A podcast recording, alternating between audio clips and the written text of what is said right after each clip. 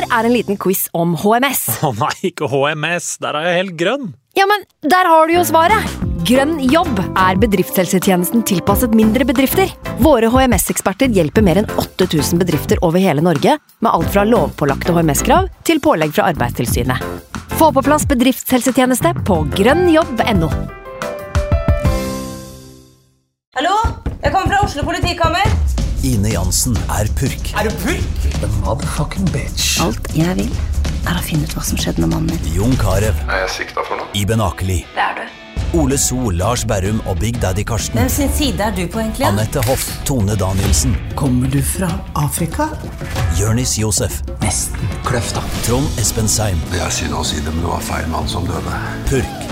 Premiere tirsdag på TV2 Play.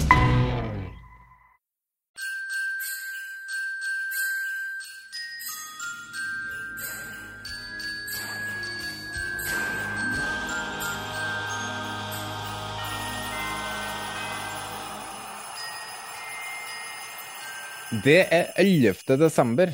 Det er fandens fødselsdag, og det er 51 år siden Apollo 17 landet på månen. Sigurd Rushfeldt, Stig Inge Bjørneby og Idar Vollvik har bursdag i dag.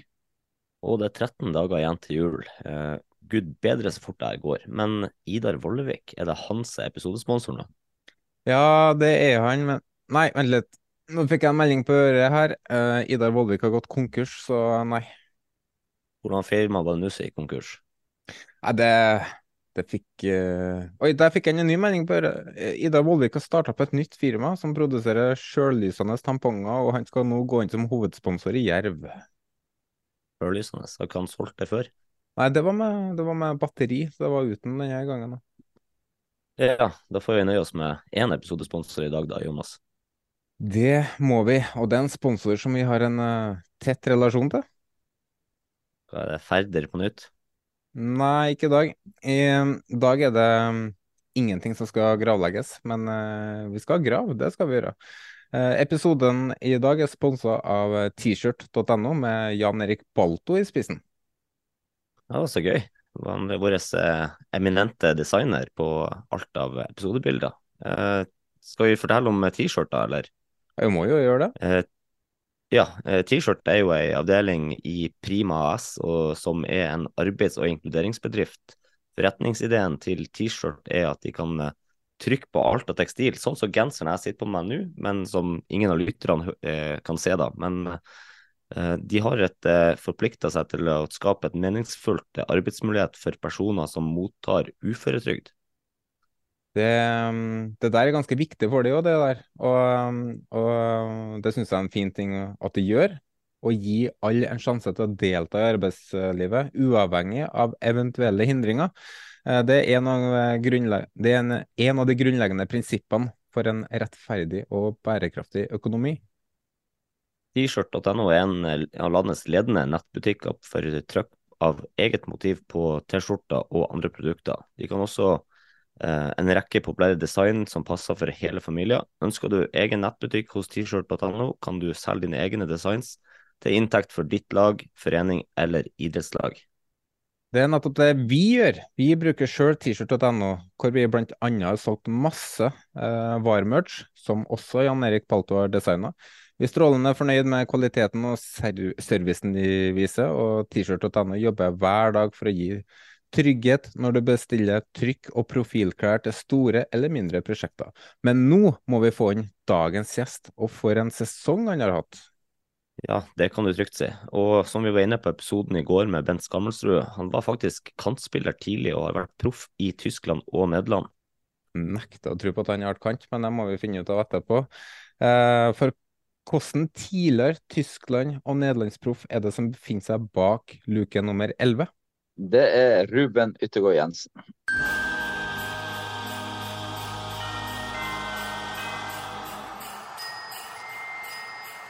Velkommen til oss, Ruben. Eh, For en vanvittig sesong. Jeg må si på vegne av eh, nesten hele Norge at eh, dere har overraska enormt. Eh, Er det godt at sesongen er over nå, eller litt vemodig, så god som dere har vært? Det er faktisk litt vemodig. Vi hadde avslutning her eh, eh, på, eh, på eh, onsdag. Det blir vel fort 6.12., og det var, det var vemodig. Vi skulle gjerne holdt på litt til. Det har vært en utrolig artig sesong å være med på. Ja, kan du altså, fortelle hvordan har det vært å være med på den enorme oppturen dere har vært med på denne sesongen spesielt? Dere var gode i fjor, men nå har dere vært helt virkelig satt, eh, fått hele øynene til Fotball-Norge på dere. Ja, vi, vi, var jo litt spent da før sesongen begynte. Vi hadde masse, mange gode spillere som forsvant, og vi fikk en del, inn en del ubeskrevne blad. Men vi så jo kjapt at det var gode spillere vi hadde fått inn. og Så var vi heldige. De tre-fire første kampene fikk med oss mye poeng da. og, og Det var, tror jeg var viktig for å, for å tørre å stå i den, i den utviklingsmodusen som vi var i. da. Og uh, den sto vi i, i, hele veien og ble egentlig bare bedre og bedre utover i sesongen. Og selv om vi faktisk mot slutten av sesongen tok kanskje litt færre poeng, så var det egentlig den perioden vi var best og hadde størst sannsynlighet for, for å vinne de kampene. Men uh, ja, overalt så er vi, vi, vi er fornøyd. En, eh, når, når, vi hadde mm, vanlige episoder da, i podkasten, så hadde jeg en, i hvert fall min teori da, på at dere likte best å være i angrepsposisjon? For vi har jo sett på resultatene i året, året, her at når dere har eh, hatt muligheten til å virkelig være der, da, så har dere kanskje gått på en smell. Sånn som Ålesund hjemme, Strømsgodset hjemme. Og så når dere dro borte mot Molde, borte mot Viking, så er dere jo kraftige underdogs. Og så tar dere egentlig ganske overbevisende seire, da, spesielt den mot Molde, hvor dere kjører over dem. Er det noe i det, eller at uh, det kanskje har vært litt tøffere å takle, takle forventningspress? Nei, det tror ikke. Jeg syns uh, Ålesund-kampen det var kanskje vår dårligste kamp. sånn sett. Da var vi ikke noe gode. Men altså, vi, vi, hadde jo likevel størst sjanse for å vinne. Altså, sikkert større sannsynligvis at vi skulle slå altså, sendt på XG, så var det større sannsynlighet for at vi skulle vinne den enn mot Viking. Eh, og mot Godset så tror jeg det, da har de vel ikke et skudd på mål før det er gått 80 og noe minutt. Sånn at det er jo egentlig to kamper der vi ja, har hatt litt eh, stang ut, spesielt eh, Godset.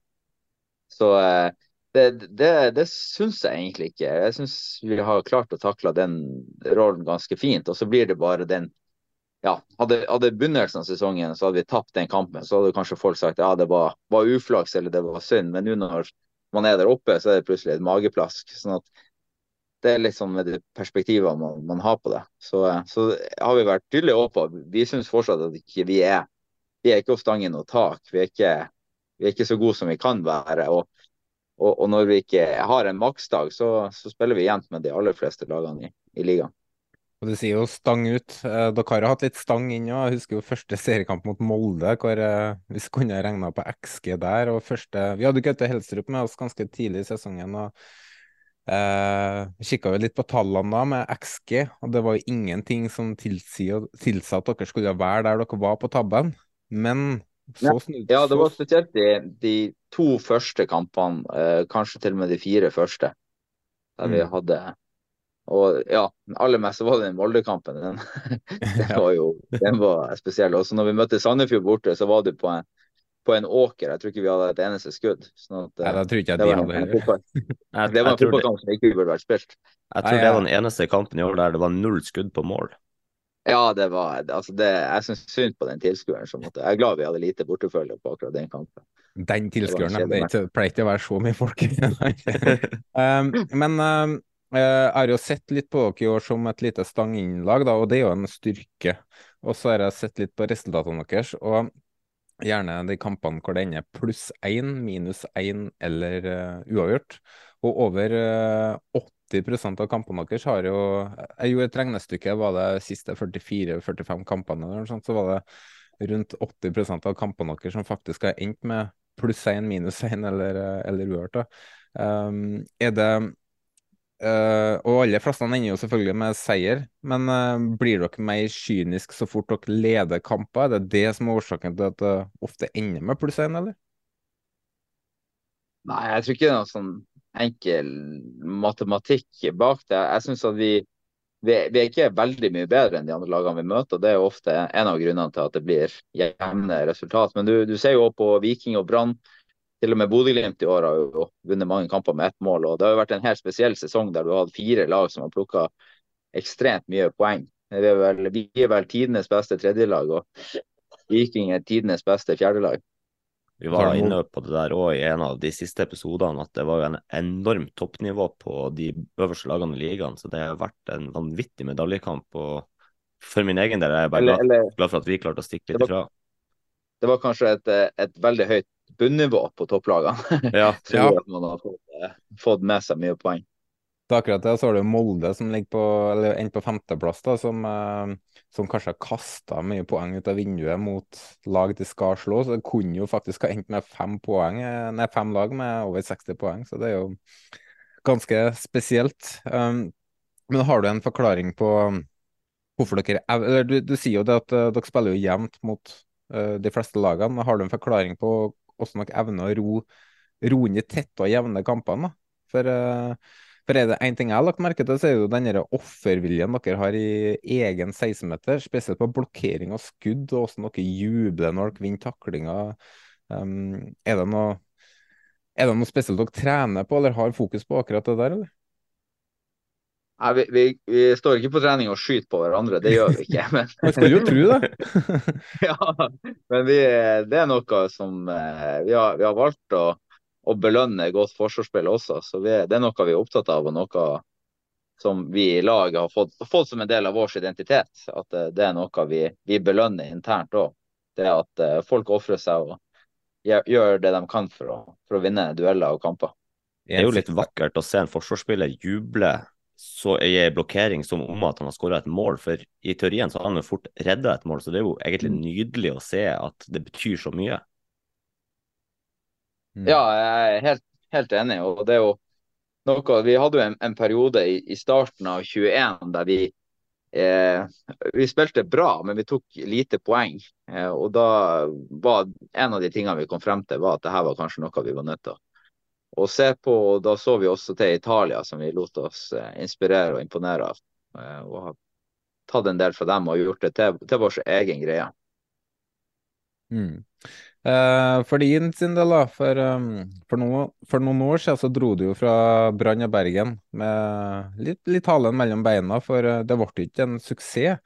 Og mange hadde jo på det tidspunktet avskrevet deg. Eh, men nå har du jo akkurat avslutta sesongen med Tromsø, som har blitt et topplag, med deg som kaptein. Og i en alder av 36 så har du kanskje aldri sett bedre ut. Hva, hva er forklaringa på det? Er det noe i drikkevannet du har oppi der, eller? Ja, altså 36 det er jo til neste år, så får vi håpe at det stemmer. Og du, du er ikke 36? Ja, da var ikke så bra likevel, da. Ja, ja, men det høres ut som en veldig Det, det blir bare bedre. som du kjørte. Nei, og jeg var egentlig med halen mellom beina. Jeg har skåret 10% av eh, Brann sine mål i 2019. Jeg er godt fornøyd med det. Ja, det er jo ikke dårlig. Nei, det er ikke dårlig. Så eh, nei, det- altså det, det å på en måte, Det er derfor denne medaljen, medaljen er den medaljen jeg har tatt som har betydd mest for meg. Det var, og det er jo også litt med det at man begynte nede i Obos. og eh, Jeg husker vi tapte på, på Mus stadion eh, 4-2. og Sto utfor der og tenkte at det, det, det er et stykke igjen før vi, før vi er gode. Så eh, det har, eh, det har vært eh, det er mye hard jobbing fra mange i, i Tromsø-miljøet bak, den medaljen, og det, den betyr mye. Hvor viktig har Gaute vært for denne suksessen som dere og Tromsø har nå, og hvor viktig har han vært for deg som, ja, som nærmest har blomstra litt på nytt? Ja, han Gaute er jo ekstremt uh, dyktig. Han uh, ser jo fotball på, på sin egen måte, så det har vært uh, utrolig lærerikt å få lov til å jobbe med han og, og resten av trenerteamet. Og ja, blitt opptatt av detaljer som man kanskje ikke har tenkt så mye på, på før. og vi har klart å, å få, ut, få frem styrkene til, til hverandre på på en god måte. Vi har jo snakka litt om det her i podkasten tidligere. Lag som er på en måte veldig avhengig av hovedtreneren sin. Det Rosenborg-laget, hvordan det på en måte eh, falt eh, Det hegemoniet falt etter at Eggen dro fra Rosenborg. Eh, Ronny Deila i Godset, f.eks. Jeg frykta jo sjøl Knutsen, altså Glimt etter Knutsen. Frykta du at den dagen han Helstrup har lyst på nye utfordringer, at det blir et vakuum som blir for stort? Eh, nei, det er ikke noe man går rundt og frykter, men det er jo klart at det er noe som, som klubben må være obs på når det er sterke trenerpersonligheter. og Så må man ha, ha en plan for hvordan man skal erstatte det, da det mest sannsynlig på et eller annet tidspunkt blir, blir å skje noe. Og, um, det er klart han Gaute en dyktig trener som ikke blir enkel å erstatte. Men samtidig så vet jeg at uh, ja, det er allerede tegn på hvordan man kan gjøre det, og hvordan man kan videreføre det, er det som han Gaute og resten av trenerteamet gjør nå. Han Gaute er jo sikkert eh, blitt diskutert i flere styrerom eh, rundt om i Norge. Frykter du på en måte at han kanskje blir å forsvinne etter hvert, også ja, internt i Norge? Han blir nok å forsvinne, men jeg er usikker på om det er i Norge. Jeg ser ikke helt hvilken klubb det skal være. Eh, som skal være interessant eh, i så måte. Men at ikke Lille, ikke Lillestrøm heller? Eh, nei, det, det, tror jeg ikke er, er så aktuelt. Men eh, jeg vil jo tenke at det er flere utenlandske klubber som er, er på banen og, og prøver å kanskje etter hvert lokke, han til seg. Men jeg håper jo at vi får ha han i noen år til. Bronse nå etter etter som du snakka om at det har vært et tungt nedrykk, dere har bygd dere opp. Det var en sterk sesong i fjor, bronse nå. Eh, hvordan vil du oppsummere, opp, eh, oppsummere sesongen, og eh, hva skal til for at Tromsø tar nye steg neste sesong? Nei, Jeg vil jo egentlig oppsummere sesongen med at vi har blitt bedre. Vi har blitt bedre i løpet av sesongen og det vi har snakket om hele tida. Vi er bedre i år enn vi var i fjor. og vi var og Da er, det jo naturlig at vi, vi, må prøve å bli bedre. og Det ene er jo eh, om man har lyst til å gjenskape noe. Men jeg tror jo også, jeg syns det er mange klubber i Norge som jobber godt. og Jeg tror at nivået til neste år vil bli enda høyere enn det var i år. sånn at eh, jeg tror at Hvis vi skal klare å, å plukke mye poeng til neste år, så må vi bli enda bedre. Og så syns jeg klubben gjør mye riktig. Vi kommer til å investere mye i, i stadion og i klubben eh, i løpet av år, neste år. sånn at eh, jeg håper jo at, at man klarer å bygge mye klubb og så vet man at de sportslige resultatene de kan, kan, jo svinge. og Vi er jo veldig langt unna noe lønnstopp i, norsk fotball når man ser på skattelisten etter hvert. her, sånn at det, det, det, det, er ingen automatikk i at vi blir å være i toppen til neste år. Det må jobbes knallhardt for, for, at vi skal ta noen poeng fremover. Men det er jo mange som det er jo få som hadde tippa dere høyt oppe i år, da. Men jeg vil jo tro at det er flere som kommer til å se på dere som, om, om ikke en medaljekandidat eller favoritt, så i hvert fall en kandidat om å kjempe om de plassene. Hvordan blir det å på en måte ha et annerledes press der på en måte forventningene var lavere tidligere, da? Ja, vi ble vel lansert som medaljekandidat etter en syv-åtte runder, og, og, alle skulle prate om at vi ble å ta medalje. sånn at Selv om det var noen eksperter som avskrev oss. sånn at det, det presset vi egentlig føler vi har levd med nesten hele sesongen. Eh, og, og, vi legger jo mye press på oss sjøl òg, men det er jo egentlig mer i form av det vi skal levere på, på trening og, eh, for å bli bedre. Sånn at det er ganske enkelt for oss med den gruppa vi har å holde fokus på, på her og nå, og det å jobbe hardt og, og, prøve å bli bedre. Vi kan godt snakke mer om eh, utviklinga dere har, har, hatt som lag, og det er mange lag som utvikler seg i riktig retning også, sånn som Brann og Viking uh, f.eks. Men uh, de som kanskje hadde den største og mest imponerende utviklinga av alle, av alle da, i norsk fotball denne sesongen, det vil jeg si er Forsa Tromsø, hvor eh, Frank for øvrig er medlem. Eh, hvor kult er det å være Tromsø-spiller for deg som eh, har vært der i mange år og eh, sett den utviklinga som supporterkulturen også har hatt? Ja, altså det er jo artig hvis du drar paralleller til forrige gang vi hadde vår våre medaljer i 2011, 2010 og den perioden. og da, da var det òg en, del folk på kampene, men var stemninga var jo ikke i nærheten av det som har vært i år. og eh, det, Vi blir jo bortskjemt. Det er jo den ene tifoen etter den andre hver match. sånn at det, den supporterkulturen som har blitt bygd i, i Tromsø nå med, med Forsa, er, er, helt rå. og det, um, det er så kult å se så mange unge som er interessert nå, og som har lyst til å gå på kamp. og det var jo når vi arrangerte med, medaljeutdelinga her, eh, så er man jo litt redd for at det kommer en 20-30 stykk når man, man, er kanskje flere på scenen enn man er i, blant publikum. Men så kommer det jo godt over 1000 stykker på, på en kald, kald mandag eh, sent på kvelden. Så ja, det, det, den entusiasmen som har vært i byen, har vært helt eh, rå å være vitne til. Det er utrolig å se den oppsvingen som har vært der. Den, den, den trodde jeg faktisk ikke Tromsø skulle få men uh, fra supportersida. For det har jo vært dødt årene tidligere, men nå uh, ja, det er ordentlig kult å se. Uh, riktig, riktig, å gi en shout-out til Morten Killingberg og den gjengen som har stått på der for å få det til. For de har kjempa i motbakke i mange år, så det er enormt kult. Mm. Ja, det er jo det som er artig, at det året vi røkte ned, var jo i 2013. Og Det var jo det året jeg fortsatt starta opp. Så de har jo de har jo ikke fått med seg noe av oppturen, de må bare få med seg nedturer. Så det har vært en brutal eh, ja, start for dem. Men de har stått i det, og de har fått belønninga si til slutt. Så ja, det har vært kult. I motsetning til Glimt-fans så kan de kalle seg motgangssupportere, de kanskje. Men uh, du rista på huet i stad, Frank, men uh, du er fortsatt medlem i Fortsatt Tromsø 14 dager til, altså? Bare... Jo da, men, uh, men jeg tror både Glimt-supportere og Tromsø-supportere hadde sin dose motgang opp igjennom, så ja, ja, det er vel ikke så lenge siden det ble brent noen regnskapspapirer oppe i Bodø. Så. Nei.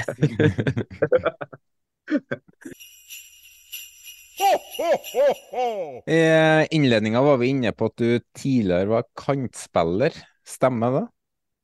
Ja, det stemmer. Det var gjerne når jeg var, var yngre, så var det, var det, mye kant. Det er jo ofte sånn at man, man, er veldig ung, så blir man plassert på kanten. Og det var også sånn da jeg kom opp i, i TIL-systemet etter hvert.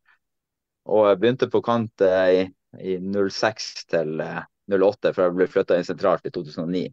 Men jeg har også spilt mye kant i, i Tyskland, faktisk. Ja. Både i 4-3 og 4-4-2. Defensiv kant? Er en arbeidskant. arbeidskant ja. opp, opp, og ned og innlegg.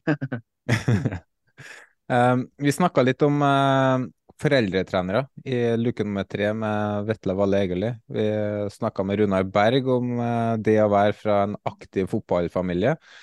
Eh, vi får med oss andre gjester litt senere i julekalenderen som også har familiemedlemmer som er aktive i fotball. Men også du kommer fra en fotballfamilie hvor for din far, Truls Jensen, er også en tidligere fotballspiller med rundt 250 eh, kamper for Tromsø og har vært trener i, i diverse klubber. Nå er han akademitrener i Tromsø, hvis Google stemmer. Og din bror lider seg gjennom tunge dager i Trondheim. Og, og ser vi på landslaget med Ødegaard, Sørloth, Haaland osv., så, videre, så ser vi at våre største talenter og beste fotballspillere kommer fra fotballfamilier hvor de har erfaring fra det å leve som toppidrettsutøvere. Hvor betydningsfullt har det vært for deg og din bror?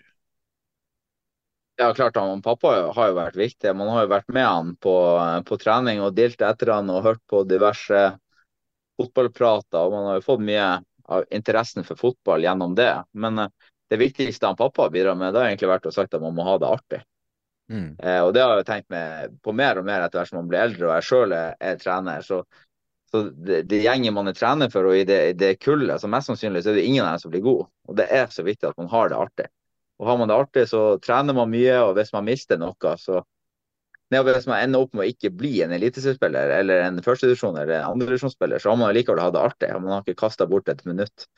Så jeg, jeg, tror bare det er så viktig at man driver på med fotball for at det er artig, og det er det som trigger deg. Ikke for at du har lyst til å tjene mye penger eller det ene eller andre. Da, da tror jeg det kan bli ganske tungt etter hvert. Nå har han jo da fungert som en rådgiver eh, opp igjennom, både i treningsarbeid og valg du gjør, da, f.eks. klubbbytter og den slags? ja, altså Pappa han er jo, han er jo klubbmann de luxe. Så han var jo med på de første forhandlingene mine jeg hadde med TIL uten agent. Og da var det jo eh, Ja. Da endte jeg jo opp med nesten Betal, mindre betale, penger. Måtte betale lisens sjøl? ja, det var jo nesten at man gikk I løpet av forhandlingene gikk man ned i lønn og så opp i kontraktslengde. Så jeg endte opp med en femårskontrakt med relativt dårlige betingelser sammenlignet med, med andre på laget. Så, så han, er, er klubbmann til 1000. Så på, um, på akkurat sånn agentbit og sånn, så er ikke han den, den rette å spørre. Men uh, som rådgiver ellers så er han veldig, veldig fin. Dere var jo, Både du og broren din var jo Eh, store talenter allerede i ung alder og innom de fleste eh, ungdomslandslag. Eh, var dere det man kaller for barnestjerner? Jeg, vil si, jeg var god i Troms, men jeg var ikke god nasjonalt. Jeg satt som regel på benken på, på U-landslag. Det var egentlig først på U21 at jeg eh, var, var, ordentlig fast og var kaptein. Men eh, på, på, de yngre landslagene så var jeg egentlig ofte ikke med i tropp eller, eller var med, men, men satt på benken. Sånn at jeg følte meg aldri som noen barnestjerne nasjonalt, men i, i, Troms var jeg bra. Da var jeg en av, en av de bedre. Men eh, jeg husker den første samlinga var på Porsgrunn på talentleir når vi var 15. Da var vi vel 64 stykker der. Jeg tipper jeg var sånn topp 63. sånn at jeg, var, jeg, følte ikke at jeg var sånn langt frem i skoen fra, fra jeg var ung. Men, men, det talentet dere eh, åpenbart eh, har da, med de karrierene dere kan se tilbake på, er det gener og arv, eller er det rett og slett det hvis dere snakker om litt om gå dilt etter far din og få kunnskap fra han og trene godt som ung? Ja, jeg tror det er den, den fotballgleden og det med mye trening. Eh, selv, jeg spilte på, på, tre lag da jeg var yngre og ja, trente, trente, veldig mye og brukte egentlig hver helg på fotball. Eh, og, og, gjorde det for at jeg syntes det var artig. Så jeg, jeg, tror det er jo mer det enn gener. Han Ulrik er jo veldig forskjellig i fysikken. sånn at det, det, det, det, er ikke, det er nok ikke bare genene. Jeg tror mer den gleden med fotball vi har arva. Eh, du må hjelpe hukommelsen min her nå litt. Men mm. stemmer det at du gikk fra Kaiserslottet til Groningen, for så å bli lånt tilbake til Kaiserslottet etter litt senere? Ja, det stemmer det. Jeg var ett og et halvt år i Nederland, og så eh, var vi et eh, spillerutvalg som skulle diskutere noe med trener, og vi endte alle opp uh, med å ikke være særlig ønska der lenger I, løpet av den vinteren. Og samtidig så hadde Kaiserslautern åtte eller var det 12 poeng på 17 kamper, eller 8 poeng på 17 kamper. Eh, og spurte, spurte da om, de kunne, om jeg hadde mulighet til å komme tilbake for å prøve å redde dem. Og, og det klarte vi akkurat ikke. Ja. Eh, landslagskarrieren din, da. Det ble 39 kamper for det norske landslaget, eller nesten-landslaget som det heter i over 20 år nå. Eh, hvordan, hvordan, opplevelser sitter du igjen med, med tida di der, da? Ja, altså, det var helt fantastisk eh, den første tida å få være med og, eh, og lære av den gjengen som var da. Og så tror jeg sånn, Personlig så skulle jeg ønske at når jeg var på mitt eh, beste og spilte mest på landslaget, at man da klarte å være litt eh, mindre redd for å prestere og heller slippe seg litt løs. Man var mest opptatt av å ikke gjøre feil. Så det er noe jeg angrer på. Men eh, jeg, jeg tar med meg utrolig mye. Og det er nå i ettertid egentlig man har skjønt eh, hvor dyktig Andrillo var som trener. Blant annet det sånn i forhold til soneforsvar og det defensive, så var han helt rå. Så man, man har lært utrolig mye på det. Og i ettertid er man veldig, veldig stolt. Men jeg skulle ønske at man hadde hatt litt mer glede underveis eh, mens man var med, med landslaget. Eh, hvordan balanserer du som fotballspiller eh, karriere, fotballkarriere og det sosiale livet utenfor banen? Ja, det, det, er vanskelig, iallfall nå når du har tre unger og jeg har skole på UiT òg. Sånn at det er ikke nok timer i døgnet. Det, det er dessverre ikke det. Det tror jeg vi alle er kjent på, egentlig. Men har du noen favorittmåte å liksom få kobla av på, da? Det, det blir jo egentlig med ungene og være sammen med dem. Og de tvinger deg til å være i nuet. og det er jo Om du har tapt eller vunnet, så er det liksom hjem. og dem, det, Jobben skal gjøres uansett, og man kan ikke komme hjem og være sur. Så det, det er veldig deilig. og eh, så det, er egentlig den delen man kobler av på. Så er man heldig, så kommer man seg en time eller to på sofaen med litt serier. Da er man, da er man du, sørger, du sørger for at det blir tredjegenerasjons uh, tilspiller? Ja, vi får se. De, eh, det er noen av dem som syns det er artig, og noen som syns det er mindre artig. Så, men eh, det viktigste er at de finner noe de har lyst til å gjøre og, og drive på med, om det er basket eller fotball eller hva det er. Det er det samme. Men Jonas prøver å skryte på deg flere år på alderen din enn hva, hva, den er. Men hvor mange år tror du du har igjen på, på, på banen, både på toppnivå og eventuelt om du har ønsker å gå litt ned i divisjonssystemet og spille? Ja, akkurat nå så har jeg to år til med TIL, og det er egentlig kun, kun det jeg ser på. Uh, så må man egentlig bare ta en liten opptelling uh, da, om man fortsatt klarer å bidra, og at de har en TIL har en verdi av å ha meg der. Sånn at uh, den, den tiden, den sorg. Ja. Vi har jo kalt det for Benjamin Button, så det kan jo bli en lang karriere der. Ja, du spådde jo akkurat at den beste sesongen var når jeg var 36, så vi håper ja. du får rett. Men kunne du tenkt deg å fortsette i fotballen etter endt karriere, en trenerjobb eller noe lignende? Ja, altså Hadde jeg ikke hatt familie, så hadde jeg sagt ja med en gang. Men det, det er noe med det å bruke alle helgene på det, og det, det preger livet så mye. sånn at eh, Det har jeg egentlig sagt, at jeg lovde at familien kommer først. For så vidt nå òg, men den kommer ordentlig først eh, når jeg legger skoene på hylla. sånn at eh, i utgangspunktet så må jeg ikke ta meg en pause fra fotballen når karrieren er over. Vi må over til å snakke om eh, jula, Ruben, for nå, nå nærmer det seg ordentlig her. Um, hvordan pleier du å feire jula? Nei, jula den har egentlig vært eh, stor for meg helt siden jeg var, var liten. Det er noe jeg forbinder med bare glede. Og eh, ja, det er den beste tida på året. Så prøv å, prøv å bruke tida på å være med, være med ungene og ja, være masse ute i snøen og leke. og prøve å ordne, ordne litt til jul hjemme. Det syns jeg er veldig trivelig. Det er du som pynter og sånn, eller? Ja, altså, Blant annet så kjøpte jeg noen nye julelys nå. Jeg var strålende fornøyd med dem. Så kom kjerringa hjem, og det var totalslakt. Så, så ja, jeg, jeg, vet ikke. Jeg, jeg, jeg syns den var fin. Det var, det var feil eh, lysfarge. ja, det var, det, var, det var, gull du kjøpte sikkert, og så skulle det egentlig være sølv, eller? Ja, altså det var ekstra warm white på de utelysene, men det, det, det var vel feil. Altså, det skulle være noe annet. Ja, nei. Så da sa jeg det, jeg gir det opp.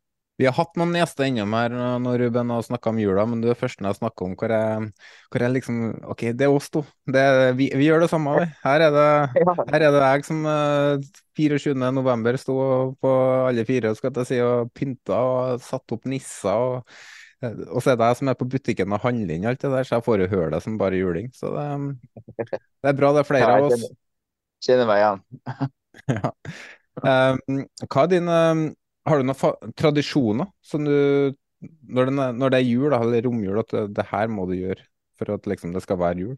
Jeg, før da jeg var yngre, hadde jeg veldig mye med brødrene. Da var det, det skulle være det og det dagen før og hele den biten. Men nå er det nå er det jo egentlig det, altså det har gått over til å bli ungene sin jul. Så nå er det liksom bare å sørge for at de får de tradisjonene de skal ha. Og så prøve å treffe mest mulig familie i løpet av, i løpet av romjula. sånn at man ja, får inn den gode julestemninga. Men de viktige tradisjonene for meg, de har jeg egentlig lagt litt bort i, med, med ungene. Du spiller ikke noen romjulscup? Nei, det gjorde jeg òg før. Jeg var med på laget Ellevilt. Det var, det var ellevilt moro. Det var det. um, har du noen julefilm som du eh, gjerne er nødt til å se? Ja, det, det er faktisk sant. 'Hjelp til juleferie'. Lille julaften. Det, det, det, det må på plass. det kommer jeg på nå. Hjelp til juleferie for lilleaften. Den er must. Den er så dårlig.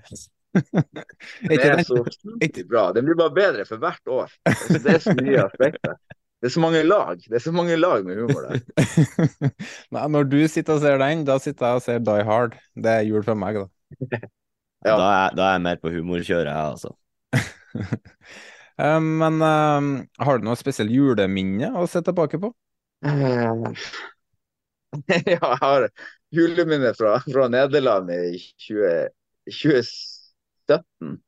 Da jeg endte opp med å feire julaften alene med bikkja, mens familien var dratt tilbake til Tromsø, for vi hadde kamp på julaften klokka, klokka ett. Jeg kom hjem, jeg kom hjem til Tromsø 27., så det var det, var det, det verste juleminnet som jeg det var, det var det som poppa opp først. Det var, det var en trist jul.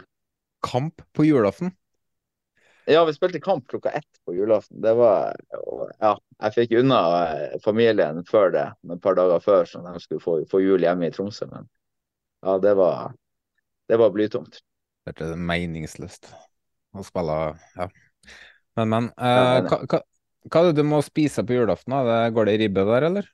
Der har jeg hatt eh, pinnekjøtt hvert år, helt til uh, man ble involvert med svigerfamilien. Og av og til var det kalkun man eh, fikk servert. Så, eh, og så orker jeg ikke å uh, tvinge svigermor til å ha pinnekjøtt. sånn at der, Da tar jeg pent til takke med det jeg får. Men hvis jeg skulle valgt, så hadde det vært pinnekjøtt. Jeg skulle til å si man må alltid høre på svigermor, men det gjør ikke jeg. Jeg, jeg må ribbe, da. Og faktisk ja, okay, ja. Men Jonas, historien om svigermora di skal vi ikke ta her. Nei, nei, nei jeg kan ta den gjennom. Altså, jeg er jo ikke noe kokk, men jeg er veldig god til å lage ribbe. Det, det klarer jeg. Hun koker ribba. Det, det, det er så sjukt, det. Men Hun var fra Finnmark? ja, du skulle tro det. Et siste julespørsmål, da. Eh, jeg trenger litt uh, inspirasjon til julegaveinnkjøp til min samboer. Har du noe, har du noe bra forslag? Åh, oh, Nei, altså vi, vi slutta å gi julegaver til hverandre for lenge siden. Men hvis jeg skulle tatt noe nå, så må det være noe sånn spa eller et eller annet. Massasje. Noe det er det som går igjen. Men jeg likte, jeg likte forslaget først, da. Ikke kjøp noe i hele tatt. Det, det, det klinger litt bedre i lommeboka da. I morgen får vi besøk av en ny gjest. Åssen hint skal vi prøve oss på i dag, Frank?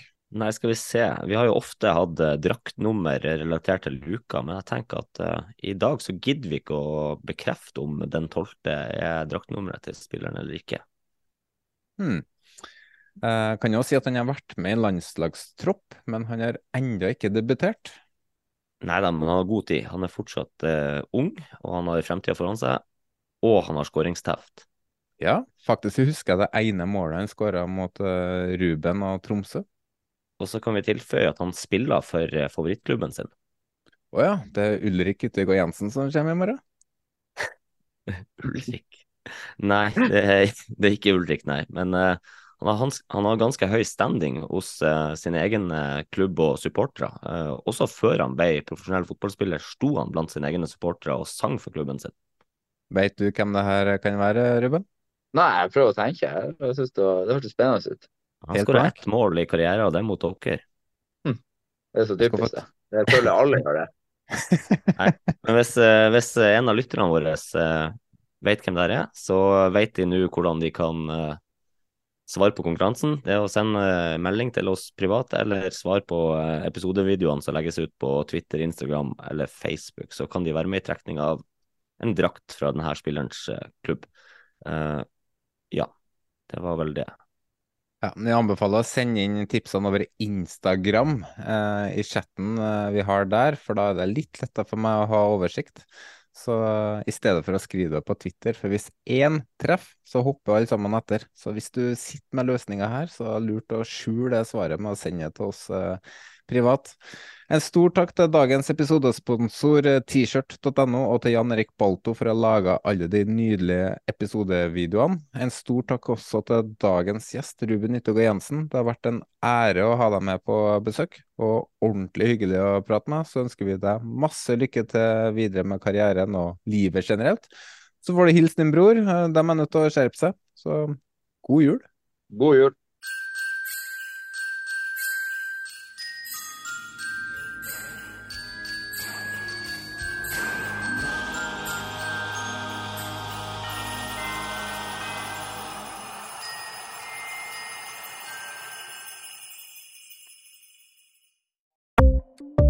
Ukens annonsør er HelloFresh.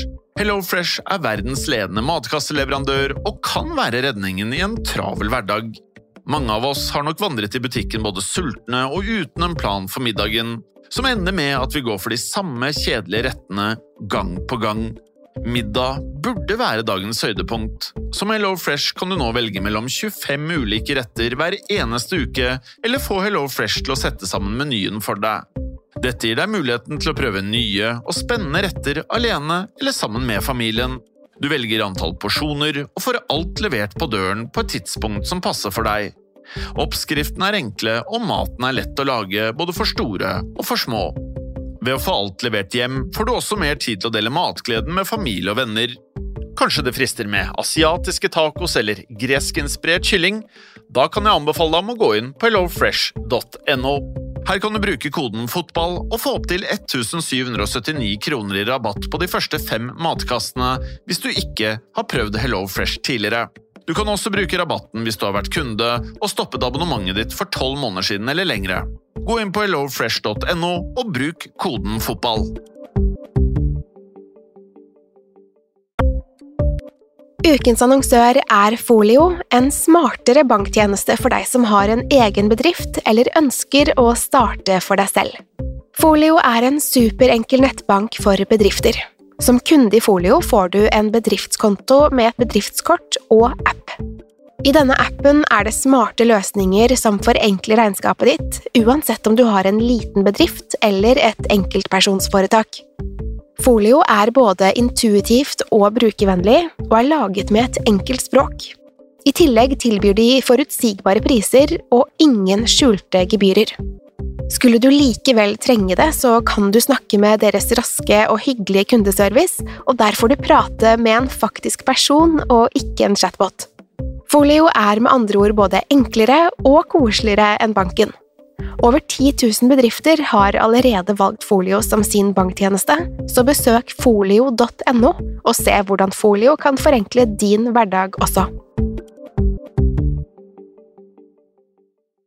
Har du et enkeltpersonforetak eller en liten bedrift? Da er du sikkert lei av å høre meg snakke om hvor enkelt det er med kvitteringer og bilag i fiken, så vi eh, gir oss her, vi. Fordi vi liker enkelt. Fiken superenkelt regnskap.